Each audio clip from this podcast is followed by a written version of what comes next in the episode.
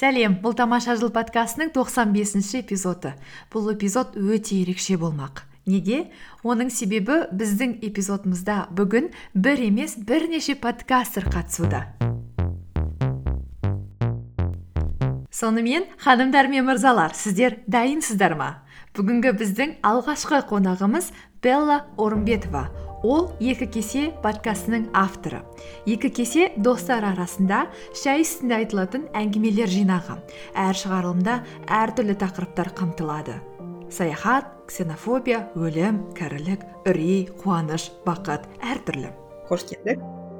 Сәлем талшын. Иә қош келдік.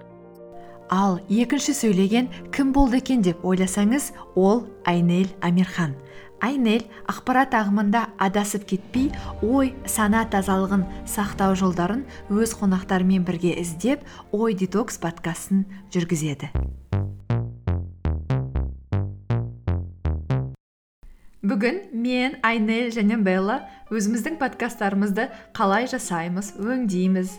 Тақырыптарды қалай анықтаймыз? Подкастты қалай өз тұтынушыларымызға тыңдармандарымызға дейін жеткіземіз? Және жалпы қазақстандағы подкастинг туралы өз көзқарастарымызбен бөлісеміз. Егер сізге подкаст тақырыбы немесе подкаст өзім ашам деген ойда болсаңыз жалпы жай ғана не істеріңізді білмей отырсаңыз мүмкін тыңдап көрерсіз. Мен бірінші рет отырмын бір подкастер мені шақырып өзімді бір толқып сезініп отырмын да. Әдетте көбінесе мені шақыратын қызық әсер екен иә? Иә мен үшін де қызық болып тұр. Себебі әдетте адамдардың жауабын тыңдап отырасың ғой қазір енді өзімізге жауап беру. Иә иә білеміз түсінеміз.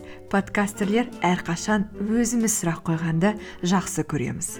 Алайда бүгін тағдырдың жазуымен сіздер жауап бересіздер. Сонымен сіздерге қоятын алғашқы сұрағым подкаст жазуға не себеп болды? Ә, мен бұрын негізі радиода жұмыс істегенмін. Кейін радиодан кетіп қалдық та ә, бірақ адам микрофонды сағынады екен эфирді сағынады екен. Осы подкастерді ә, түрлі подкасттарды өзім тыңдап жүрдім да сосын неге жазбасқа деп ә, жазып көрейінші деп ә, жазып көрдім сосын өзіме ұнап қалды шынын айтсам. Мен подкастқа шынымды айтсам ең алдымен мен подкастты көбінесе тыңдарман болдым иә. Екі мың он алтыншы жылдан бастап тыңдай бастадым. Және бірте бірте неге өзіме подкаст жазбасам деген ой келді. Бірақ енді жұмыс бар өзімнің тыңғылықты өзге де мәселелерім бар. Ә, бұл мәселеге ден қоюға мүмкіндік бола бермеді. 2018 жылы мен ереванға азаматтық қоғам өкілдері қатысқан бір ә, шараға қатыстым. Сол жерде қайыржан әлбазаров бар ғой find подкастының авторы. Ә, сол жігіт келді де жаңағы подкаст жайлы айта бастады. Сосын мен оған айттым қалай подкаст жазасың көрсетесің бе? деп. Сол өзінің тренингі біткеннен кейін кешке ә, шығып ол маған жаңа анкор желісі арқылы қалай подкаст жазатынын көрсетті. Содан бастап ә, ойда болды. Бір жылдан кейін бұл ойым жүзеге асты подкаст түрінде.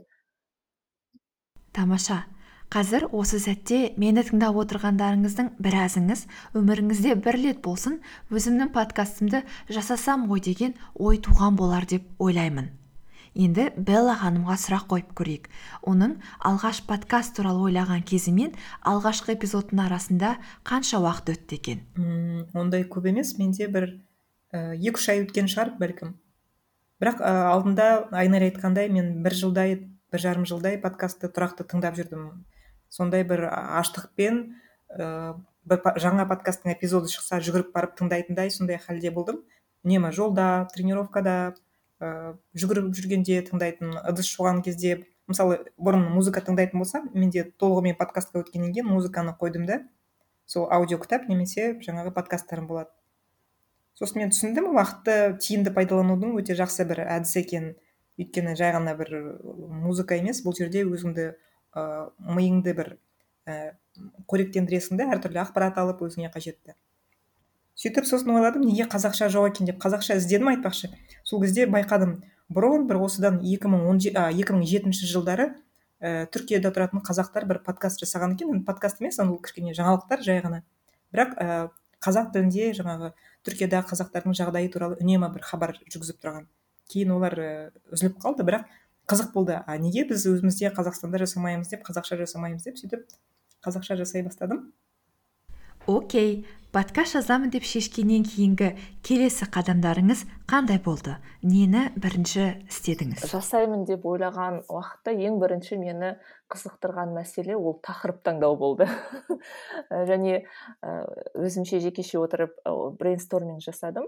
Ә, тізіп жаздым қандай ойлар келді қандай тақырыптар қызықтырады деп. Сол кезде ә, енді менің алдыма қойған жеке мақсатым ә, подкастымды латынша жазсам да көбіне оқылғанда түсінікті болса екен деп. Енді қанша дегенмен қазақ тілді орыс тілді ортада тұрғаннан кейін бәріне түсінікті болса екен деп ойладым.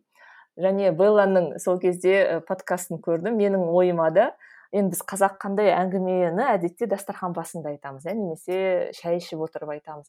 Менің ойымда да сол бір екі кесе шай деген сияқты ұғым болды. Бірақ сол кезде гуглға кіріп тіргенім тергенімде осы белланың подкастын көрінді. О бұндай подкаст бар екен ғой деп сол кезден бастап тыңдай бастадым белланы. Ал тақырыпты ә, ой детокс деп қойдым. Бұл жерде маған өзімнің әріптесім құрбым көмектесті. Екеуміз талқылап отқанда мен әңгіме терапия ма қалай айтасам екен деп сосын детокс деп айттық. Сосын жаңағы ой детокс деген тақырып ә, ойымызға келді де осыны ат ретінде бекіттім.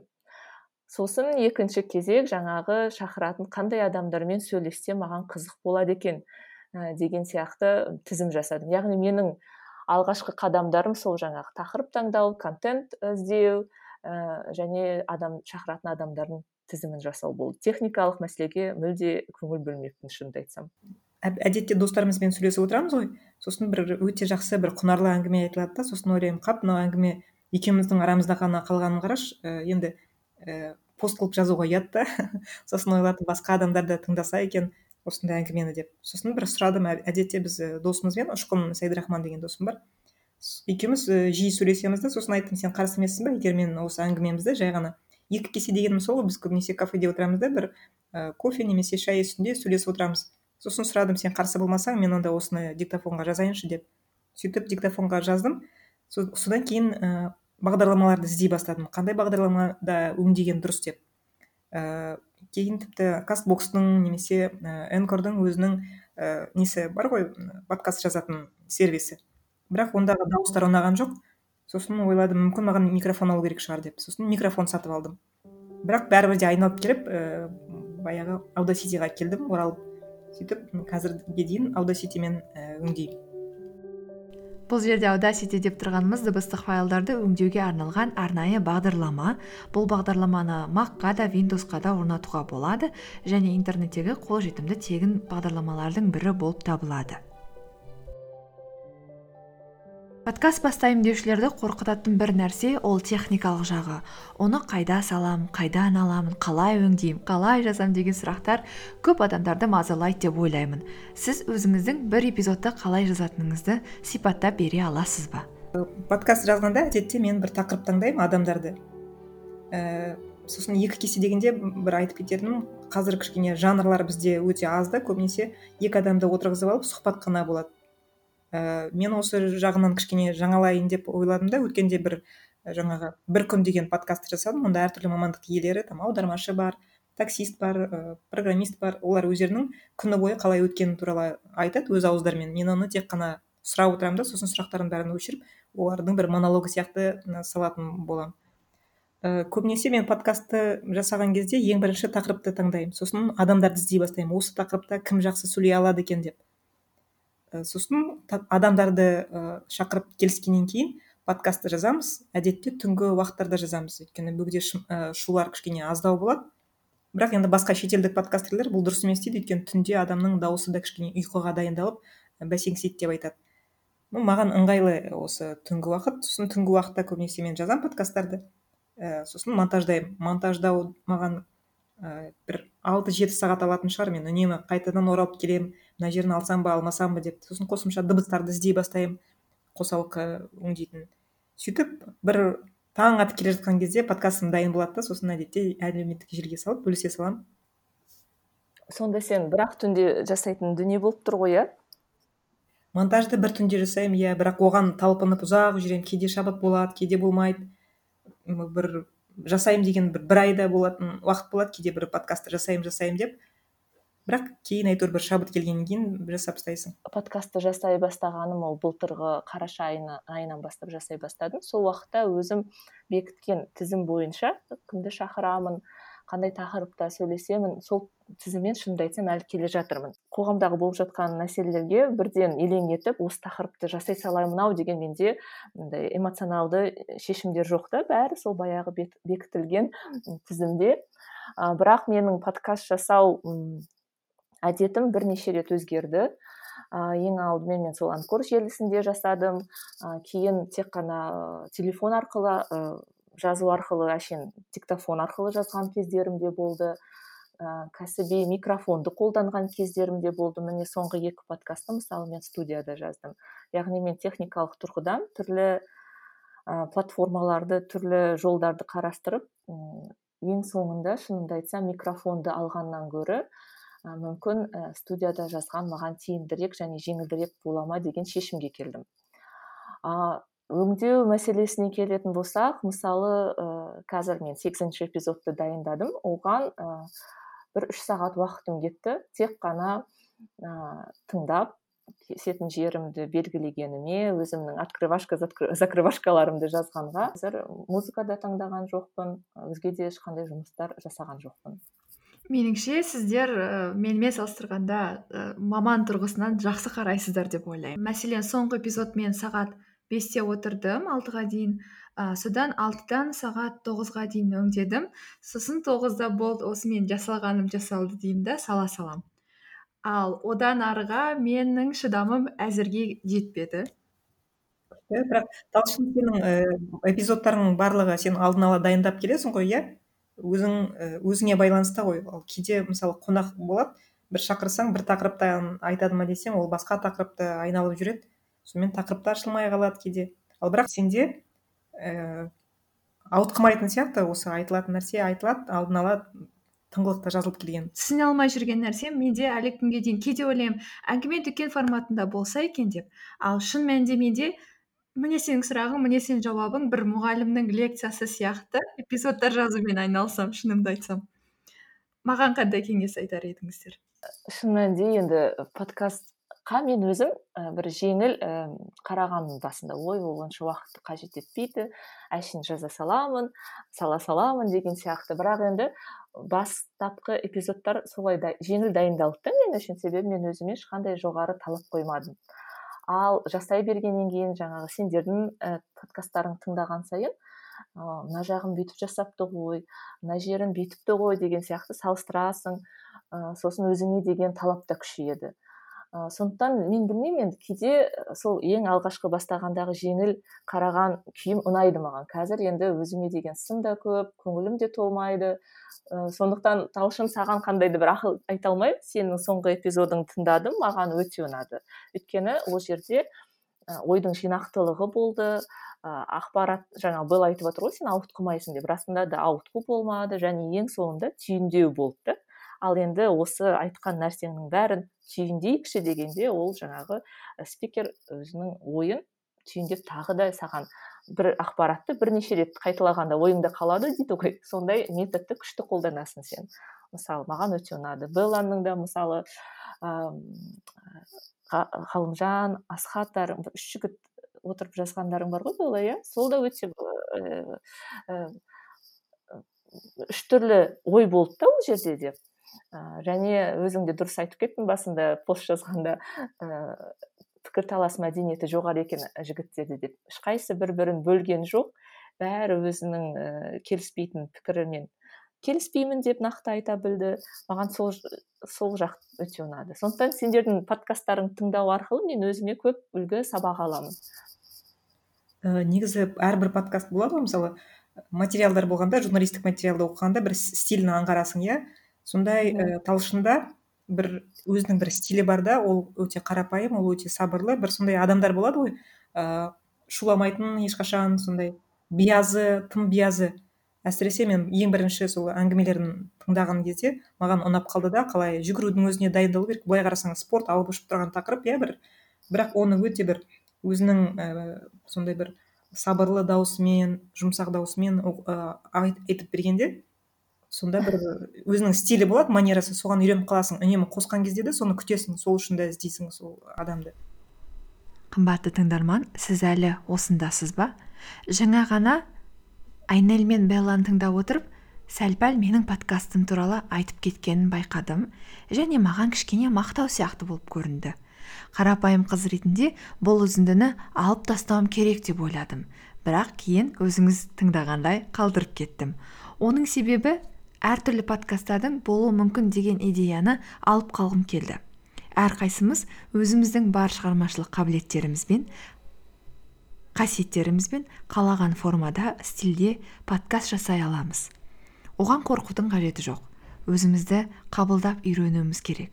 Мүмкін дәл қазіргі кезеңде мен әңгіме дүкен форматында подкаст шығармасам да осы формат өзім үшін мүмкін ыңғайлысы қолымнан келгені болар. Бірақ болашақта қандай форматта қандай жүйеде подкаст жазарымды кім білсін? Ал айнель сенен ұнайтыным? Ұнайтыны енді сен і түсіндім енді неге ұнайтынын. Сен алдын ала дайындалады екенсің да өйткені әрқашан бір і спикерлерің болады ғой сол жаққа. Сұрақ қойғанда үнемі бір солардың деңгейінде отырасың. І мысалы жарайды енді асхат еркінбаймен болған і подкастта сен осы саланы біліп жүрсің. Ыыы назгүлмен сұрақ ы қойғанда і оның не аударып жатқанын білдің олардың кітаптарын туралы барлық оқығаныңды аңғарттың да сондай бір жоғары деңгейде болды. Сондықтан сен тұңғылықты дайындалады екенсің ғой алдын ала. Келесі менің қыздарға қойған сұрағым өздерінің подкасттарын қалай жазады өңдейді және хостингтік веб-сайттарға жүктейді. Ә, мынандай бір статичті микрофондар менің арманым. Кейін сондай аламын деп ойлаймын. Әзірге соткаға жазып жүрмін сол баяғы өзімнің диктофонға жазамын сосын оны бірақ өңдеймін тазалаймын дыбыстарын і аудаситиде ал анау анкормен казбокста жазуды ұсынбаймын. Негізі өйткені онда өте нашар жазылады сапасы білініп тұрады сонда жазылған. Ііі әрқайсысына жеке жеке кіремін сол солай анкорға жеке кіремін. Сосын і казбоксқа жүктеймін. Бірақ бір жаманы статистикасы әртүрлі болып жүреді. Мысалы ана жақтан барып кіресің да мына жақтан аласың. І сөйтіп сөйтіп. Егер бір ортақ база болғанда жақсы болатын еді әрине. Әнкорды негізгі база етіп автоматты түрде басқа директорияларға жіберуге қалай қарайсыз? Ә, басында мен де сөйтіп қолдандым бірақ ә, қарасаңыз ә, rss сол энкорда ғана болады сосын ә, авторлық құқықты энкордың өзі алады. Ал кастбокста олай емес. Кастбокс сіздер, сізге енді хостингтін ұсынады ә, сіз оған саласыз бірақ құқық бәрібір сіздікі болады авторлық құқық. Сондықтан да кастбокс ұнайтын жері сол бұл жерде белла ханым екі мың он сегізінші жылдан бері энкордың айналасында болып жатқан пікірталастар туралы айтып жатыр. Олардың шарттарында көрсетілген кейбір сөйлемдер авторлық құқыққа энкор е деген сөзге мағынаға қарай итермелейді. Дегенмен де бұл туралы пікірталастар өте көп компанияның басшылығы олай емес екендігін әлі күнге дейін дәлелдеп келе жатыр. Жалпы қараған кезде бұлардың барлығын ескерген кезде енді бастаймын деген подкастер болсаңыз немесе әлі күнге дейін подкасттың не екенін сезінгіңіз келген бір ойларыңыз болған болса онда энкор сіз үшін таптырмас шешім деп ойлаймын. Өйткені бұл нарықтағы тегін аудиохостинг ұсынатын бірден бір қосымша. Оның ішінде аудионызды жазсаңыз да өңдесеңіз де және ары қарай apple подкаст арқылы жарияласаңыз да болады. Неде мүмкіндік болса енді карантин бітіп жатса студияда жазуға шешім қабылдап жүрмін. Бұл маған ең тиімді және ең оңай ә, жол сияқты. Бірақ ә, студиядан жазбамды алғаннан кейін оны редакциялағаннан кейін анкор желісіне жүктеймін. Себебі жаңағы таратады ғой енді әрнеге. Ә, сол маған ыңғайлырақ. Ал егер менің қалай подкастты жасайтыным қызықты болса мен әдетте жазбаны жасап болғаннан кейін гаражбанд бағдарламасы арқылы өңдеймін. Бұл бағдарламада музыка да қосуға болады жазбаны өңдеуге қысқартуға созуға болады. Кейін осы бағдарлама арқылы mp3 файлды компьютеріме жүктеймін. Жүктеп болғаннан кейін келесі podbean нүкте сайты арқылы аудиома хостинг жасаймын. Осы хостинг сайт маған rss сілтемесін береді және ары қарай осы rss сілтемесін өзі автоматты түрде apple подкастқа google подкастқа және басқа да түрлі подкаст директорияларына өзі автоматты түрде жіберіп отырады. Ал талшын нүкте ком сайты ол қосымша негізде жұмыс істейді. Rss демекші қазір маған подкаст деген сөздің сәнге бара жатқаны қызық. Ютубты ашып қарасақ та инстаграмды ашып қарасақ та елдің бәрі интервью жасаса оны подкаст деп айтады. Бұл шынымен де подкаст па? Иә иә осы проблема бар мұндай. Көбінесе подкаст деген сөзді енді көрінген нәрсеге бір қыстыра береді да. Қазір мысалы сайттар бар көбінесе ііі бұл егеменнен бастап ыыы барлық ы кішігірім ұсақ газеттер сайттар барлығы. Өздерінде жарияланған материалды өзінің дауысымен оқып береді да соның записін сала салады да бұл біздің подкаст деп і сөйтіп шығара салады.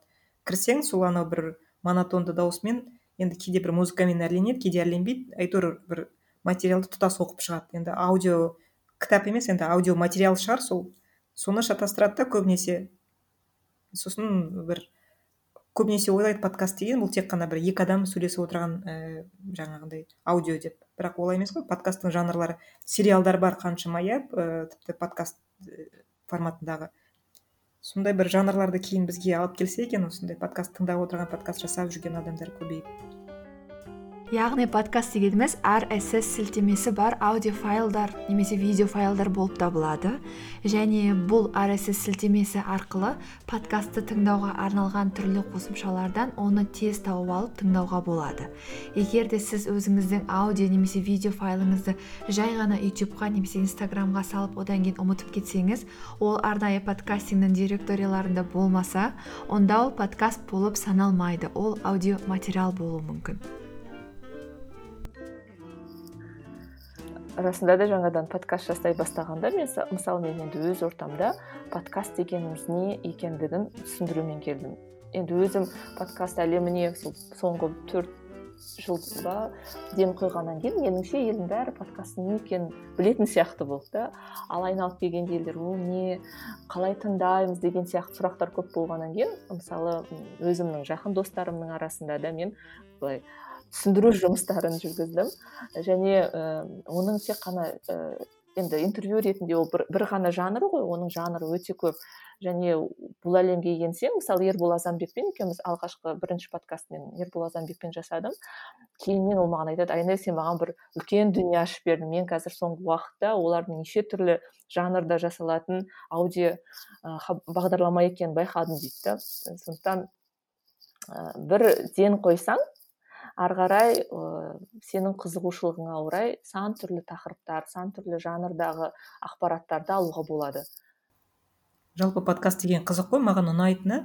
Үнемі кейде болады ііі мысалы материалдың өзінде мен журналист ретінде қарайтын болсам кейде бір мақалаларда журналистер плагиат жасап ананың ойын мынаның ойын сала салады да бір ол жерде адамның не стилі көрінбейді не өзінің не сезінгені көрінбейді. Ал подкастта бір адам бәрібір де бір бөлшегін жанның бір ашатын сияқты да. Өйткені дауыс арқылы сен біліп отырасың ол адамның эмоциясын кейде кейде тіпті мінез құлқын анықтауға тырысасың. Мысалы қазір бізде айнель і сөйлеп отыр. Мен оның қолында мынандай моншағы бар екенін біліп отырмыз иә талшын? Сосын сөйлегенде қолын қозғалтып жаңағындай бір і экспрессиямен айтатынын біліп отырмыз. Сол сияқты подкасттың бір тамаша әсері сондай бұл жерде жаңағы фальш бірден сезесің қай жерде адам өтірік айтады қай жерде ол бір артық нәрсені айтып отыр қай жерде бір жерін қысып қалып а, тілін тістеп қалды деген сияқты. Сондай бір тамаша жанр иә бір міндетті түрде сұхбат болу шарт емес. Қазір ең негізгі проблема бізде карантин кезінде. Біз осылай жазып отырмыз да бір бірімізді көріп отырған жоқпыз. Ал егер шын мәнісінде бәріміз бір ііі бөлмеде отырып сөйлессек әлдеқайда бір ағымыздан жарылып сөйлесетін едік иә дәл қазір бізді байланыстыратын бір бірімізге бір бірімізді сездіретін нәрсе ол біздің дауысымыз ғана. Дауыс бұл жерде үлкен күшке ие болып тұр. Сіздер өз дауыстарыңызды арнайы жаттығулар арқылы жаттықтырасыздар ма? Мен шынымды айтсам ешқандай бір жаттығу жасамаймын бірақ соңғы енді подкаст жасағаннан кейін оның үстіне оны редакциялағанмен мың рет өзіңнің дауысыңды естисің ғой. Демді қалай дұрыс алмадың қай жерде ойыңды жинақтап жеткізе алмадың деген сияқты. Содан кейін ойлана келе қазір мен ә, бір кітап сатып алдым. Дұрыс сөйлеу мәдениетін қалыптастыратын яғни қандай да бір жаттығулар жасау керек демалуың керек деп отырып сөйлеп тұрып сөйлеу жаңылтпаштар айту керек. Және маған ең ұнаған бір жаттығу және менің қолымнан келетін ең оңай жаттығу ол ә, кәдімгі виноның пробкасы болады ғой соны аузыңа тығасың да ә, алдыңда егер жатқа бір мақал мәтелдер білсең соны жаңылтпаштарды білсең соларды айтасың білмесең алдыңда тұрған кез келген текстті бір екі минуттай оқып ә, бұлшық еттеріңді қимылдатасың. Ә, біз өзіміздің денемізді қандай да бір физикалық белсенділікпен жаттықтырғандай ә, ауыз мүшелерінде солай біз ә, жаттықтырып тұруымыз қажет екен. Ә, және бірнеше күн болды жасап жүргеніме өзіме қызық нәтижесін енді болашақтағы подкасттарда көріп қаламын деп үміттенемін. Белла ханым ал сіз ше қандай жаттығулар жасайсыз? Иә кейде жасап тұрамыз. Мен мысалы подкасттың алдында тілімді бәрін тістеп жақсылап ернімді тістеп барынша сөйтуге тырысамын.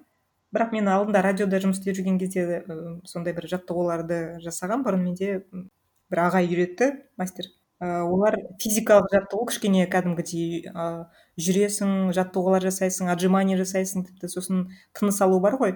Ә, йоганың кейбір элементтеріне ұқсаттым қазір мысалы жасап жүргенде ойлаймын мына кісі соны ә, меңзепті ғой деп ана ішпен демалуды отырып тұрып сөйлеп жаңағындай ә, сосын менде бір темппен проблема болды.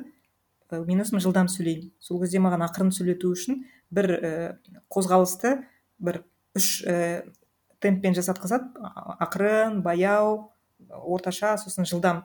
Сосын сөйлегенде де осылай сөйле деп сөйтіп сөйтіп ақырындап үйреткен сияқты болды. Енді бірақ бәрібір ол қанға сіңіп қалған нәрсе екен.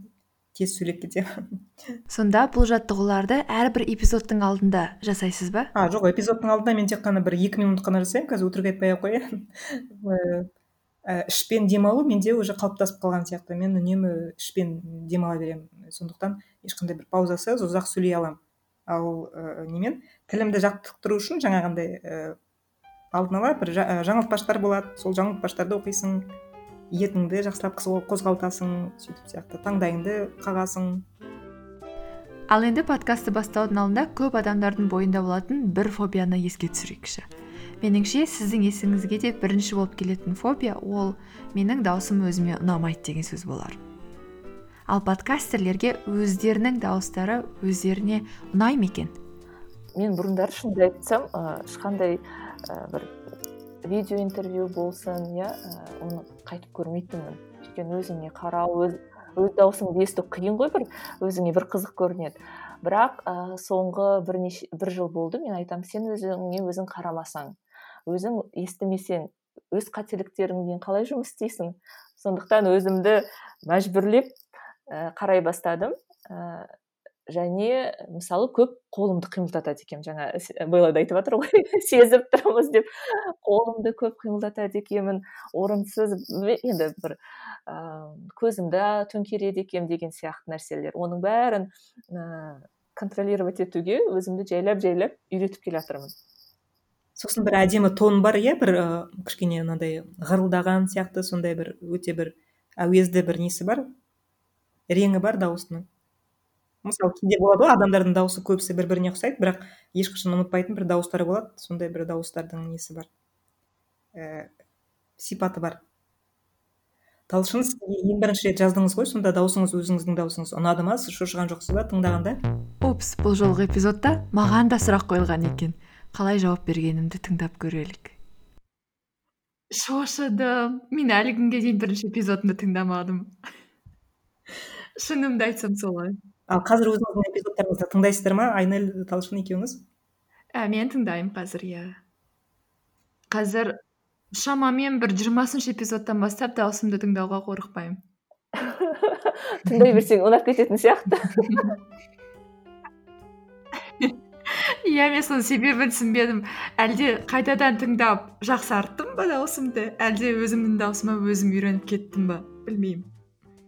Екеуінің айырмасы қандай психологиялық тұрғыда қабылдау болған шығар өзімізді өзіміз иә? мүмкін қабылдау болған шығар. Менде бір қызық оқиға болатын баяғы білмеймін бір он шақты жыл бұрын бір видео жаздық. Сосын сол видеода таңертең мен бір түні бойы ә, библиотекада сабақ оқыдым.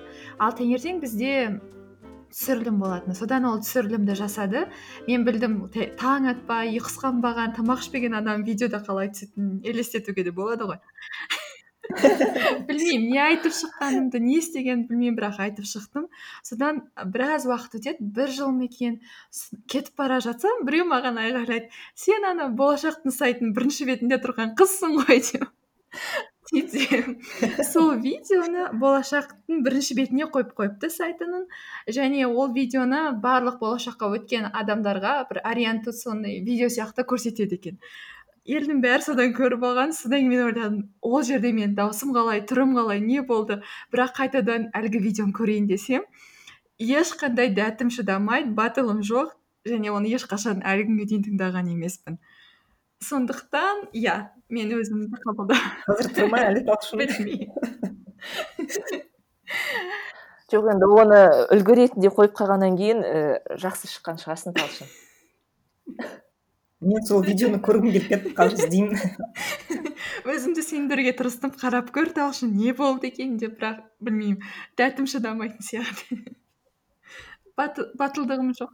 Біз көбінесе бұл жерде өзімізге тым жоғары планка қойып алатын сияқтымыз. Сосын өзіміз і сондай бір образдар жасап алып неге мен мындай емеспін деген сияқты өзімізге тым қатты сыни қараймыз. Ал былай қарасақ енді ну білмеймін дауыс та дұрыс түріңіз де әдемі сондай сондықтан видеоны қарайық қазір бәріміз. Дәл осы жерде тыңдайық иә. Бірақ иә бір иә. күні иә тыңдауға тура келеді тура тыңдау керек. Бірақ дауыспен шынымен де жұмыс істеуге болады иә ол түсінікті бір белгілі бір сөйлемдерді қалай аяқтайсың интонацияны қалай қоясың және а, ары қарай оны қалай жақсартуға болады деген сияқты. Мен үшін жеке лайфхак ол сөйлеу барысында бір затты баяндау барысында ә, күліп тұрып оны айтсам даусым жарқынырақ ашық жақсы шығатын болып көрінеді. Және көп жағдайда осы лайфхак арқылы даусымдағы белгілі бір кемшіліктерді жабуға тырысамын. Ол шынымен солай радиода да айтады егер кішкене еріндеріңді ашып жаңағындай сөйлейтін болсаңдар дыбыста поток жақсы естіледі деп жағымды естіледі. Мысалы мен қазір сөйлеп отырған кезде і күлімсіреп сөйлеп отырмын. Бірақ егер үнемі өйтіп күлімсіреп сөйлей беретін болсаң онда кішкене жа, жаңағы жасандылық сезіліп та қалады кейде. Сондықтан ііі бұл жерде кішкене м еркінірек болу керек та. Адам қалай бар? Бар қалпымен. Ренжіп тұр ма? Ренжіп сөйлей берсін. Ренжіп тұрып сөйлесең еріңді күліп сөйлесең тіпті бір қызық естіледі екен. Мен бір көріп қалып едім. Ренжіп сөйлесе ма? Иә ренжіп тұрып сосын бірақ ііі күліп тұрып сөйлесе. Қызық. Сендерде бола ма? Сондай бір адамдар болады ғой. М жаңағы сөздер паразиттерді көп айтатын сосын жаңағы жаңағы немесе бір яғни яғни деп немесе ы ы деп ырсылдап бір отыратын адамдар. Көбінесе біз сөйлескенде мән бермейміз оған. Ал бірақ ана монтаж жасап отырасың ғой әсіресе түнде. Ойлайсың мынау адам не деген адам өзі дұрыстап сөйлемей ме екен? деген сияқты. Сондықтан тек қана подкаст жасайтын адамдарға емес. Жалпы кез келген адам да өзінің бір несін тыңдау керек сияқты. Сөйлеген сөзін иә? Иә егер егер шын мәнінде тыңдамасаң сен өзің кемшіліктеріңді білмейсің да. Оның үстіне мысалы расында да монтаждап отырғанда ойлайсың құдай ау мынау кісі ы деп ұзақ ойланады екен немесе паразит сөздерді көп қолданады екен деп. Бірақ өзің де сөйлей бастағанда ә, және өзіңнің сөйлегеніңді ести бастағанда сенің де бойыңда ондай олқылықтардың көп екендігіне көзің жетеді. Ал егер оны тыңдамасаң сен де күнделікті кезде біреуді ғана сынайсың да өзіңе ой жоқ мен ондай қателіктер жасамаймын деген сияқты жеңілдікпен қарайсың. Ііі мен ондай қателіктер жасамаймын негізі деп па? Жоқ мен жалпы айтып жатырмын біз, біз үшеуміз жайлы айтып жатқан жоқпын жалпы көбінесе. Жоқ ол бәрімізде де бар. Мысалы қазірдің өзінде бәріміз идеал емеспіз ғой негізі отырып алып жұртты сынау емес. Бізде де бар енді барлық адамдарда бірақ жұмыс істеуге тырысамыз ғой бастысы. Содан кейін келесі бір мысалға мен үшін қатты кедергі келтіретін нәрсе ол үш тілділіктің мәселесі деп ойлаймын. Кейде мен ойлаймын бір андай ә, бір тілді елде тұрғанымда қандай бақытты болар едім деп кейде ойлаймын. Қазір мен студенттерге сабақ беру барысында да көп байқайтыным қазақша ойымызды барлығын біріктіріп бір арнайы бір тоқтамай бір параграф ойымызды көп айта бере алмаймыз. Және м жазу мәдениетіне де ол қатысты. Сол кезде мен кейде армандаймын. Егер мен американдық болып туылғанда мен ағылшын тілінде ғана сөйлейміз және байқағаным олар әрқашан тоқтамай ы дей бермей паразит сөздер бар өздерінің дегенмен де. Бірақ біз сияқты ы деген заттарды көп қоспайтын сияқты көрінеді. Енді расында да біз ыыы көбінесе енді орыс тілді ақпараттық ортада өмір сүргеннен кейін ә, ақпараттардың біраз бөлігін орысша тұтынамыз оны сосын аламыз да қазақшаға аударуға тырысамыз. Енді ол өзіміздің ә, ойымыздан шықпағаннан кейін аударма тілі қандай да бір деформацияға ұшыраған. мен өткенде назгүлге де айтып жатырмын осы күндері қазақша жазып қазақша сөйлеуден қорқатын болдым. Себебі ә, көз алдыма назгүл тұрады да мен назгүл апайды елестетсем ештеңе сөйлегім жазғым келмей қалады сондықтан мен мысалы өзім подкастты жасағандағы менің ә, бірнеше алдыма қойған мақсатым болды. Сол мақсаттарымның бірі мысалы қазақ тілінде ә, көбірек сөйлеу. Мен жасыратыны жоқ орыс тілді ортада қызмет атқарамын. Ә, жұмысымның басым бөлігі орысша немесе ағылшын тілінде өтеді. Қазақша да бар әрине. Десек те ол бір жүз пайыз емес та ә, және подкаст жасау арқылы осы қазақша күшті сөйлейтін замандастарымды шақыру арқылы өзекті тақырыптарды көтеру арқылы өзімнің қазақ тілімді ә, әлде қайда дамыту мақсаты да болды шынымды айтсам. Сенің жасап жатқаның өте дұрыс өйткені айнель сенің достарың да көбінесе араласатын ортаң да орыс тілді ағылшын тілді адамдар сөйтіп қазақша сөйлеп подкаст жасап жатқан кезде бір тренд қалыптастыратын сияқтысың. Көбінесе кейбір орыс тілді адамдардың өзі мысалы қазақша сөйлегісі келеді бірақ сөйлесетін орта жоқ оларда ал осындай бір контенттерді жасап жатқан кезде үшеуміз де бір жақсы бір игі іс жасап жатырмыз деп ойлаймын. Өйткені енді біздің подкасттарымызды тыңдаса біз енді бір күрделі сөйлеммен сөйлемейміз ақындардың жыраулардың айтқандарын айтпаймыз. Жай ғана күнделікті қолданатын қарапайым сөздермен сөйлегенде олар да үйрене береді деп ойлаймын негізі.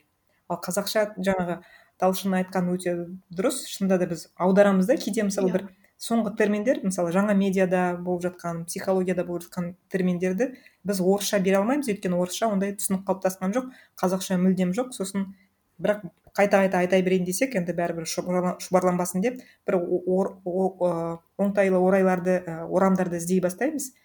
И сөйтіп кішкене өзіміздің жаңағы паузаларды көбірек жасайтын сияқтымыз. Ал ағылшындар и ағылшын тілінде сөйлейтін адамдар олар оларда пауза болмайды бірақ оларда экспрессия өте мықты да там. Мысалы ыыы жай ғана бір amazing деп айтып жатады да қазақша айтып айтсаң бір біртүрлі бір қызық естілетін сияқты. Бізде бір монотонды тек қана бір арасында паузаларға жасап қана бір сондай бір сөйлейтін сияқтымыз негізі. Ол бар. А сосын және ғана бір басыма бір сұрақ келіп еді енді есіме түспей жатыр?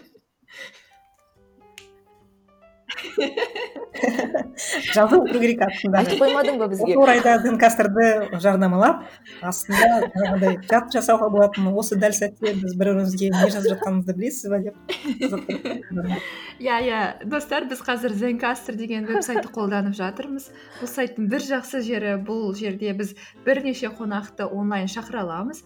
Әрқайсымыз әр жақтан қосылып отырмыз және әрқайсымыздың даусымыз жеке жол жеке трак болып жазылады. Және ең соңында әрқайсысын жеке жеке көшіріп ала аламыз. Бұл кезде біз мысалға мен жақтан шу болса да ә, белла сөйлеп жатса белла жақта шу болмаса мысалға оның дауысы анық жақсы болып естіледі сол жағы ә, плюс. Және көбінесе интернетте кейде біреумізде интернет нашар болса екіншімізге де әсер етуі мүмкін. Ал бұл жерде ол олай әсер етпейді. Сол жағы жақсы деп ойлаймын. Егер подкаст жазамын деп немесе аудиофайлдар интервью форматында жасағыңыз келсе онда зенкастер күшті веб сайт бізге маған осы сайттың асхат еркінбай айтқан еді. Және жақсы бір ұтымды жағы осы жаңағы платформаны пайдалану үшін жазу үшін ешқандай бір программаларды орнатудың қажеті жоқ. Тек қана бір сілтеме арқылы сайтқа кіресіз болды. Ешкімге бір нәрсе орнату бағдарлама жүктеу қажет емес. Мен абайсызда интернеттен таптым. Жай ғана гуглға жаза салдым. Подкаст онлайн рекорд деп. Сонымен осы веб-сайт шықты. Дәл қазір оларда тіпті акция сияқты бір нәрсе ау деймін біраз уақытқа дейін ә, тегін ешқандай шектеусіз жаза беруге болады. Иә саппортқа жазғанда тіпті хабар келмей қойды да кешіріңіз өйткені бізге тым көп адамдар хабарласып жатыр кейін хабарласамыз деп маған бір аптадан кейін бір ақ берді доступты мен шынымды айтсам жаңадан ашып жатырмын. Рахмет сендерге. Ә, болашақта қолданып көремін деген үміттемін. Карантинді созды ғой енді. Тағы бірнеше подкастты осы ә, платформа арқылы жазып көруге болатын сияқты. Сосын жақсысы бір ә, жадты алмайды да компьютердің жадын көп ә, жүктемейсіз осында ә, бұл жерде енді google ә, gmailмен кіресіз. Сосын сіздің ә, бұл ә, облакаға яғни бірден аудара салады. Керек кезде сол жерден жүктеп ала саласыз. Скайппен жасағанда таза жазылады бірақ ә, жаңағы проблема кейде мысалы екеуміз үш адам немесе сөйлесеміз ғой бір бірімізбен қабаттасып сол кезде дауыстар естілмей қалады да үш адамдікі бірдей бір дорожкаға жазылып қалады сосын кімдікі тазалай алмай отырасың кейде алып тастайын десең алып тастай алмай. Иә иә иә. Бір жақта шу болып қалса да әсер етеді барлығына сөйтіп қайтадан yeah. Иә. барлығын жүктеу керек жазу керек болады. Иә. Yeah. сосын интернет жағынан мәселе тудырмайды иә скайп? Иә. Ешқандай. Бірақ интернет нашар болып қалса иә бәрімізде де бөлініп ііі созылып созылып кетеді. Мхм сол жағынан жамандау. Сондықтан зенкастер иә жақсы опциялардың бірі. А карантин демекші. Қазір маған шамамен күніне бір екі үш адам тұрақты түрде подкаст жазу туралы жазатын болған. Қалай жазамын не істеймін деп. Карантиннен кейін бізде де біраз подкасттардың саны артатынына күмәнім жоқ. Жалпы осыған қалай қарайсыздар? Бізде қазір қазақстанда подкасттың дамуы қалай жүріп жатыр деп ойлайсыздар біздің тыңдармандарымыз дайын ба? Жалпы қазіргі кезеңдегі бір сезімдеріңізбен бөліссеңіздер. Өткен жолы асхат маған айтты да соңғы карантин жағдайында подкасттарға ә, қиын тиіп жатыр деп өйткені бұрын адамдар жұмысқа бара жатқан кезде жолда тыңдайтын көбінесе подкасттарды деп. Ә, мен де сөйтіп содан қорықтым одан кейін сол айтқаннан кейін. Бірақ кейін статистикамды қарасам керісінше осы подкаст басталғалы бері менің аудиториям кішкене сәл өсіп қалды. Былай қарасам бұрынғы тыңдаулардан енді бір подкастты мысалы жүз елу екі жүз адам тыңдайтын болса қазір екі жүз алпыс орташа есеппен солай тыңдайды екен адамдар. Қайта керісінше адамдар үйінде отырып көп енді біздің қазақстанда әсіресе цифровизацияға өте жақсы әсер етті деп ойлаймын карантин. Адамдар жаңағы онлайн курстарға жазыла бастады түрлі жаңағы платформаларды қарай бастады. Сөйтіп подкасттарға да келе бастаған сияқты негізі. Ал әлемде енді әрине бұл бұл деңгейден бір төрт бес жыл бұрын өтіп кетті. Ол жерде оларда өте танымал болды подкасттар қазірден де танымал. Ал бізге енді енді ғана келе бастады да өкінішке қарай. Маған да бірнеше адам хабарласады осы қалай подкаст жазсам болады? деп. Ә, бірақ мен ә, белла сияқты позитивті емеспін. Ә, меніңше қазір ә, ақпараттар өте көп та. Адамдар кішкене ақпараттардың ауқымынан шаршаған сияқты. Ә, менің подкастым мысалы қазір өспей тұр тыңдармандарының қатары. Сол баяғы бір екі ақ адам күніне қосылып отыр. Ә, және мүмкін енді подкасттардың көп шыққанына мен өзім ә, қолдаймын. Себебі жаңа айтып жатырмыз ғой подкасттар көбірек шықса подкаст туралы адамдардың түсінігі көбірек болады тыңдармандары көбейеді ә, сан артқаннан кейін сапа да сәл кешірек болса да артуы мүмкін деп. Бірақ менің бір жеке сол жаңағы байқап жүргенім расында да менің подкастымды тыңдайтын адамдар көбінесе жолда тыңдады ма білмеймін қазір аса көп өсіп жатқан жоқ енді білесің бе неге екенін айнель? Мен ойлаймын өйткені мен соңғы уақыттарда карантинге байланысты екі подкаст жасап тастадым да содан кейін шығар мүмкін актуалды болғаннан кейін адамдар келе бастаған. Мүмкін осы ойланып көру керек. Сіздің статистикаңыз қалай? Айтып жібересіз ба соңғы уақытта қалай көбейді ма азайды ма не істеді адамдар? А, менде проблема ол менің подкастым жоғалып кететіні қайта қайта. А, мен өкінішке орай осындай бір қызумен энергиямен бір уақытта күшті жазып жүремін. Сол кезде көбірек адамдар келе бастайды барлығы тамаша. Кейін біраз уақыт жұмыстан немесе басқа да себептерге байланысты подкастты ығыстырып қоямын да. Қайтадан барлығы баста, бастапқы нүктесіне қайта кетіп қалады. Сол мен менде ә, кішкене біраз қалай десем бір миксід ә, результаттар шығып жатыр деп ойлаймын дәл осы сәтте. Себебі мен тек карантиннің басталуынан қарай өзімнің подкастымды тұрақты жүргізе бастадым. Және меніңше ол менің жоғалып кеткен тыңдармандарымның қайта оралуымен жүріп жатқан сияқты. Мүмкін бір ә, бір екі аптадан кейін подкастыма карантиннің әсерін бағалауыма болатын сияқты. Бірақ әзірше ә, мен үшін өте қиын. Бұрыннан асты деп айта алмаймын. Ә, бұрынғы межеге енді жетіп келе жатырмын. Менде проблема осы қыздар. Ә, көп жағдайда меніңше кез келген бұндай жобадағы ә, бір маңызды сәттіліктің критерийі ол тұрақтылық. Яғни тұрақты бір мерзім сайын подкастыңды шығарып отыру керексің және тыңдарман оны білу керек және тыңдарман сенің подкастыңның сол уақытта тұратынына сенімді болу керек. Өкінішке орай менде ондай фактор болмағандықтан мен әрқашан өзімнің тыңдарманымды ренжітіп аламын және ол сол ренжігеннен кейін келесі жолы оны да бар деп ойламайды және ол туралы ұмытып кетеді. Сосын бір күні көріп қалған кезде қайта келуі мүмкін. Ым бұйырса осы бағытта жұмыс істегім келеді.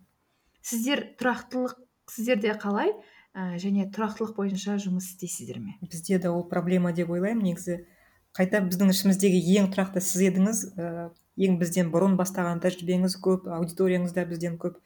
Менде ондай жоқ. Менде шабыт бойынша ғана негізі көп оқимын. Ә, подкастерлардың өзі де айтады ең бірінші алтын ереже бұл тұрақты мерзімде шығып тұру деп. Аптасына болса аптасына айына болса айына. Ал ол біздің ана кейде аптасына үшеу шығарып алып бір ай жатқанымыз ол керісінше бізге кері әсерін тигізеді. Ол лентадан да шығармайды көбінесе сол үшін. Ә, сосын бізде тарату аудиториясымен проблема да. Көбінесе біз әлеуметтік желіге шығарамыз бірақ әлеуметтік желідегі адамдар мысалы лайк басады бірақ олар тыңдамайды бәрібір. Пітір лайк деп айтады ғой енді сондай сияқты. Жай көңіл үшін ғана қоя салады өкінішке қарай. Ал, ал ана жақтан ақырындап қана қалыптасып келе жатыр біздің аудитория тұрақты тыңдап жүретін іздеп жүреді иә расында да мен де бастағанда ойладым ой екі аптада бір рет бір подкаст шығарып тұрамын деп. Енді ол кезде білместік қой сен қанша уақыт жұмсайтыныңды білмейсің өзге де факторлардың қалай әсер ететінін білмейсің.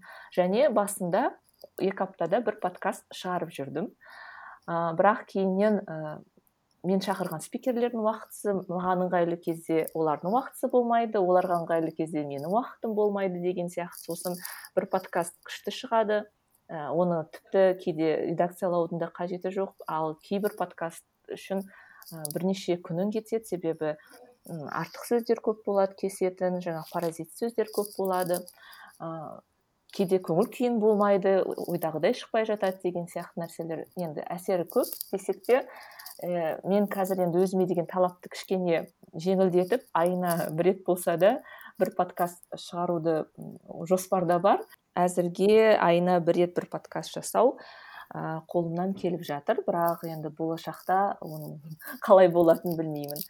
Ә, тіпті кейде өткенде екі апта бұрын қашан? Карантинге шықпай тұрып ә, жұмыста қатты ыңылдап кеткен болуым керек. Ойбу мен подкаст жасаймын тыңдармандарымның қатары онша көбеймейді деп сосын ә, бір әріптесім ол өзі де медиа саласында жұмыс істейді маған қарап отырды да айтты айнель сен басында бұл подкастты жасағанда өзің үшін жасадың деп айтқансың енді қазір сен өзіңе де ә, елге де қоятын талаптарың көбейіп кетті мүмкін кішкене ә, басылуың керек шығар. Өзіңе жаңағыды ең басында қалай қарадың сол подкастқа?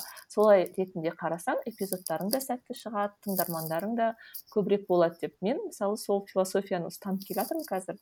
Ә, жасауым керек болғаннан кейін жасап емес өзім көңілім қалағанда өзіме ұнайтын адамдарды шақыру арқылы ә, подкастты тұрақты түрде жасауға тырысудамын. Күшті ой екен. Талшын сіз өзіңіз үшін жасайсыз ба? Әлде тыңдармандарыңыз үшін жасайсыз ба подкастты? Екі жағдайда менің өмірімде орын алды деп ойлаймын. Басында бастаған кезде мен өзім үшін жасадым. Себебі ол кезде мен оқуды енді аяқтадым. Оқу процесінде не істеу керек екенін білетінмін. Ә, беспен ғана оқитынмын мен ешқашан екі алмайтынмын.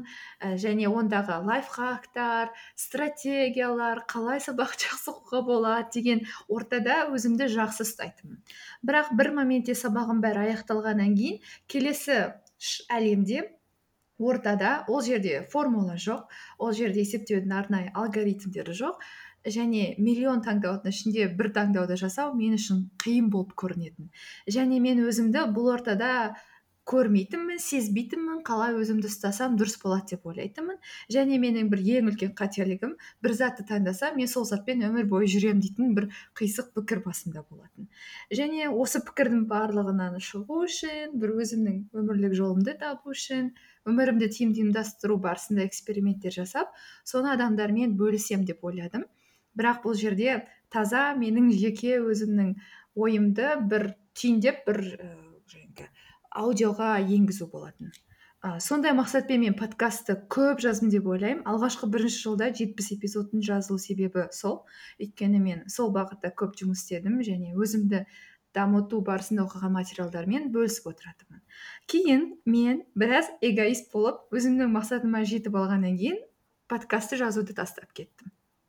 Дегенмен де біраз уақыт жүргеннен кейін бағанағы қазақ тілі демекші қазақ тілінде ойыңды дұрыс жеткізуге байланысты проблеманың көп себебі бізде қазақша материалдардың болмауы. Ә, және содан кейін менің көп достарым барлығы айта бастады. Ә, бұл контентті бұл ортаны бұл материалдарды біз толтырмаған кезде кімдер толтырады? Ә, жай ғана кішкентай кезіндегі өзіңді елестетіп көрші мысалға саған бір ақпарат керек бірақ ол ақпаратты сен өзіңнің тілінде мысалға таба алмайсың иә? Ә, сондықтан мен осы сол екінші нәрсе маған көбірек мотивация болды деп ойлаймын. Және соңғы жазылған эпизодтардың көбі ол ә, тыңдармандарыма көбірек мүмкін қатысты. Бірақ әрине бұл жердегі өзімнің ә, жеке мақсаттарым да бар. Мысалға соңғы ақша тақырыбында ә, мен үшін қызықты болды. Өйткені бұл тақырыпты зерттеп жүргеннен кейін ә, әселхан бұл тақырыпта қалай ойлайды екен? Ол өзінің ақшасын қалай ә, басқарады екен деген де ойларым бар. Бірақ бұрынға қарағанда көбірек ә, тыңдарман сосын мен болған сияқтымын. Мен тіпті сен айтқаннан кейін жаңа айнель ойланып қалдым да мен кім үшін жазамын өзім үшін жазамын ба деген сияқты.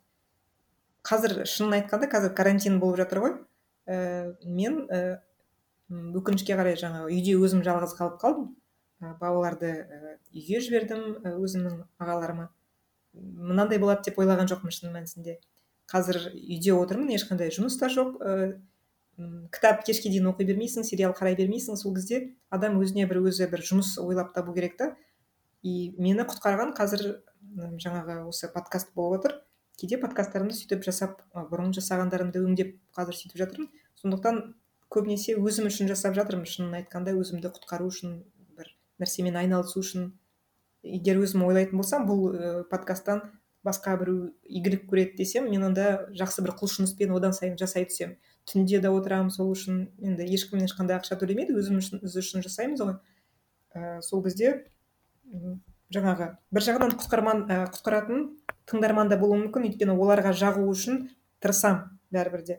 Айтарымды айтып алып кетіп қалмаймын. Ә, олардың қажеттілігін көремін. Мысалы соңғы үрей деген ә, эпизод шықты. Сонда ойладым адамдар қазір үрейленіп жатқан шығар оларға не істеуге болады деп. Сол психологты шақырып тағы да бір адамды шақырып сөйлесіп жаңағыдай сөйтіп отырдым.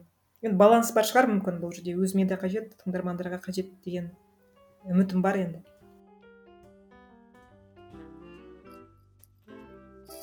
Мен ә, осыдан бір ай бұрын ба екі ай бұрын ба астанада болдым. Сол кезде пиар саласындағы әріптесімді кездестірдім. Ол кісі қазақша білмейді бірақ енді подкаст жасап жүргенімді біледі да. Сонымен құттықтап жарайсың подкаст жасадың.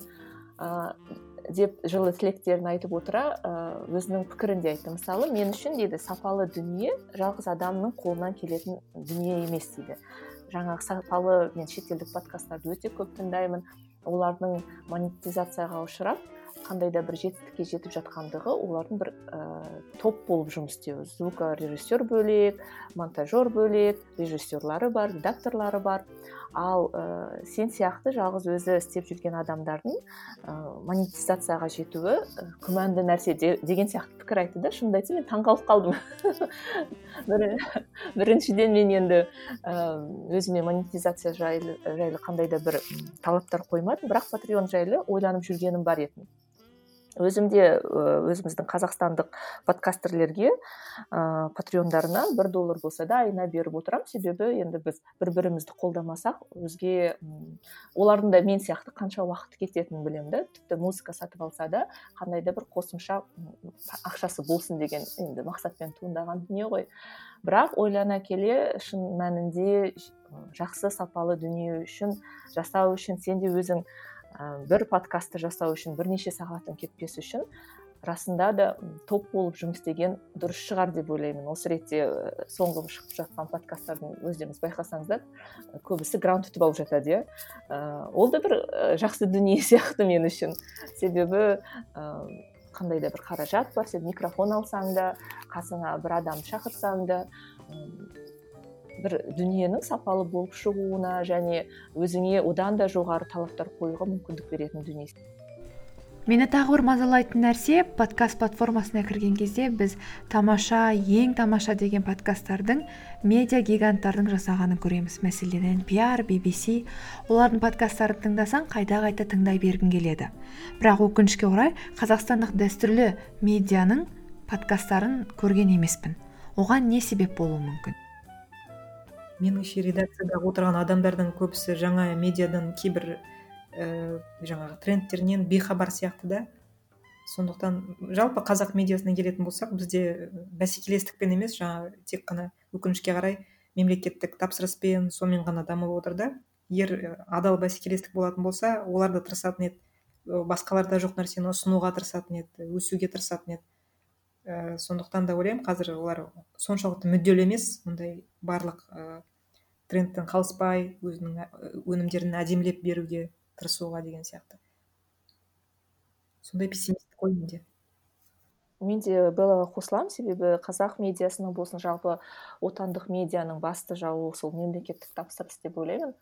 Ә, бәсекелестік жоқ. Оның үстінде редакторларымыз да аға буын өкілдері жастар келіп жатса да олар тек қана мемлекеттік тапсырысты игерумен ғана айналысады. Жаңа форматтарға көңіл бөле бермейтін сияқты.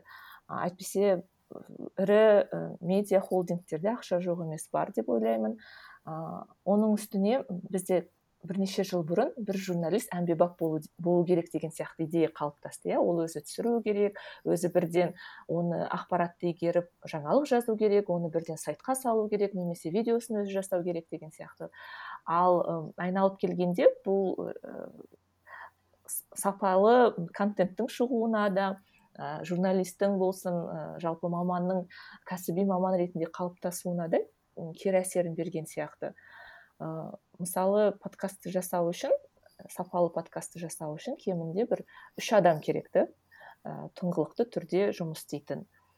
Ә, ол да бірталай ақшаны қажет етеді. Оның үстіне креативті ойлау машығы да болу керек. Неше түрлі сериалдар болсын немесе ақпаратты қызықты жеткізе білдіру білу танымдық ақпаратты бере білу формасы. Оның бәрі мысалы бір отырғанда жасалатын дүние емес ол үлкен бір ізденісті уақытты талап ететін нәрселер. Ал қазіргі уақытта ақпаратты сараптамай ә, шын өтірігіне мән бермей бірден сала салу бірінші болу керек уақытта оған аса мән беріле бермейтін сияқты. Мүмкін карантин біздің ақпаратты тұтыну мәдениетімізге де басқаша қарауға мүмкіндік беретін шығар. Кім біледі? Иә yeah, дәстүрлі біздің медианың келуі де подкаст әлемін өзгертеді деп ойлаймын. Және біз оларды асыға күтеміз. Ә, бұл кеңістікте барлығымызға орын бар.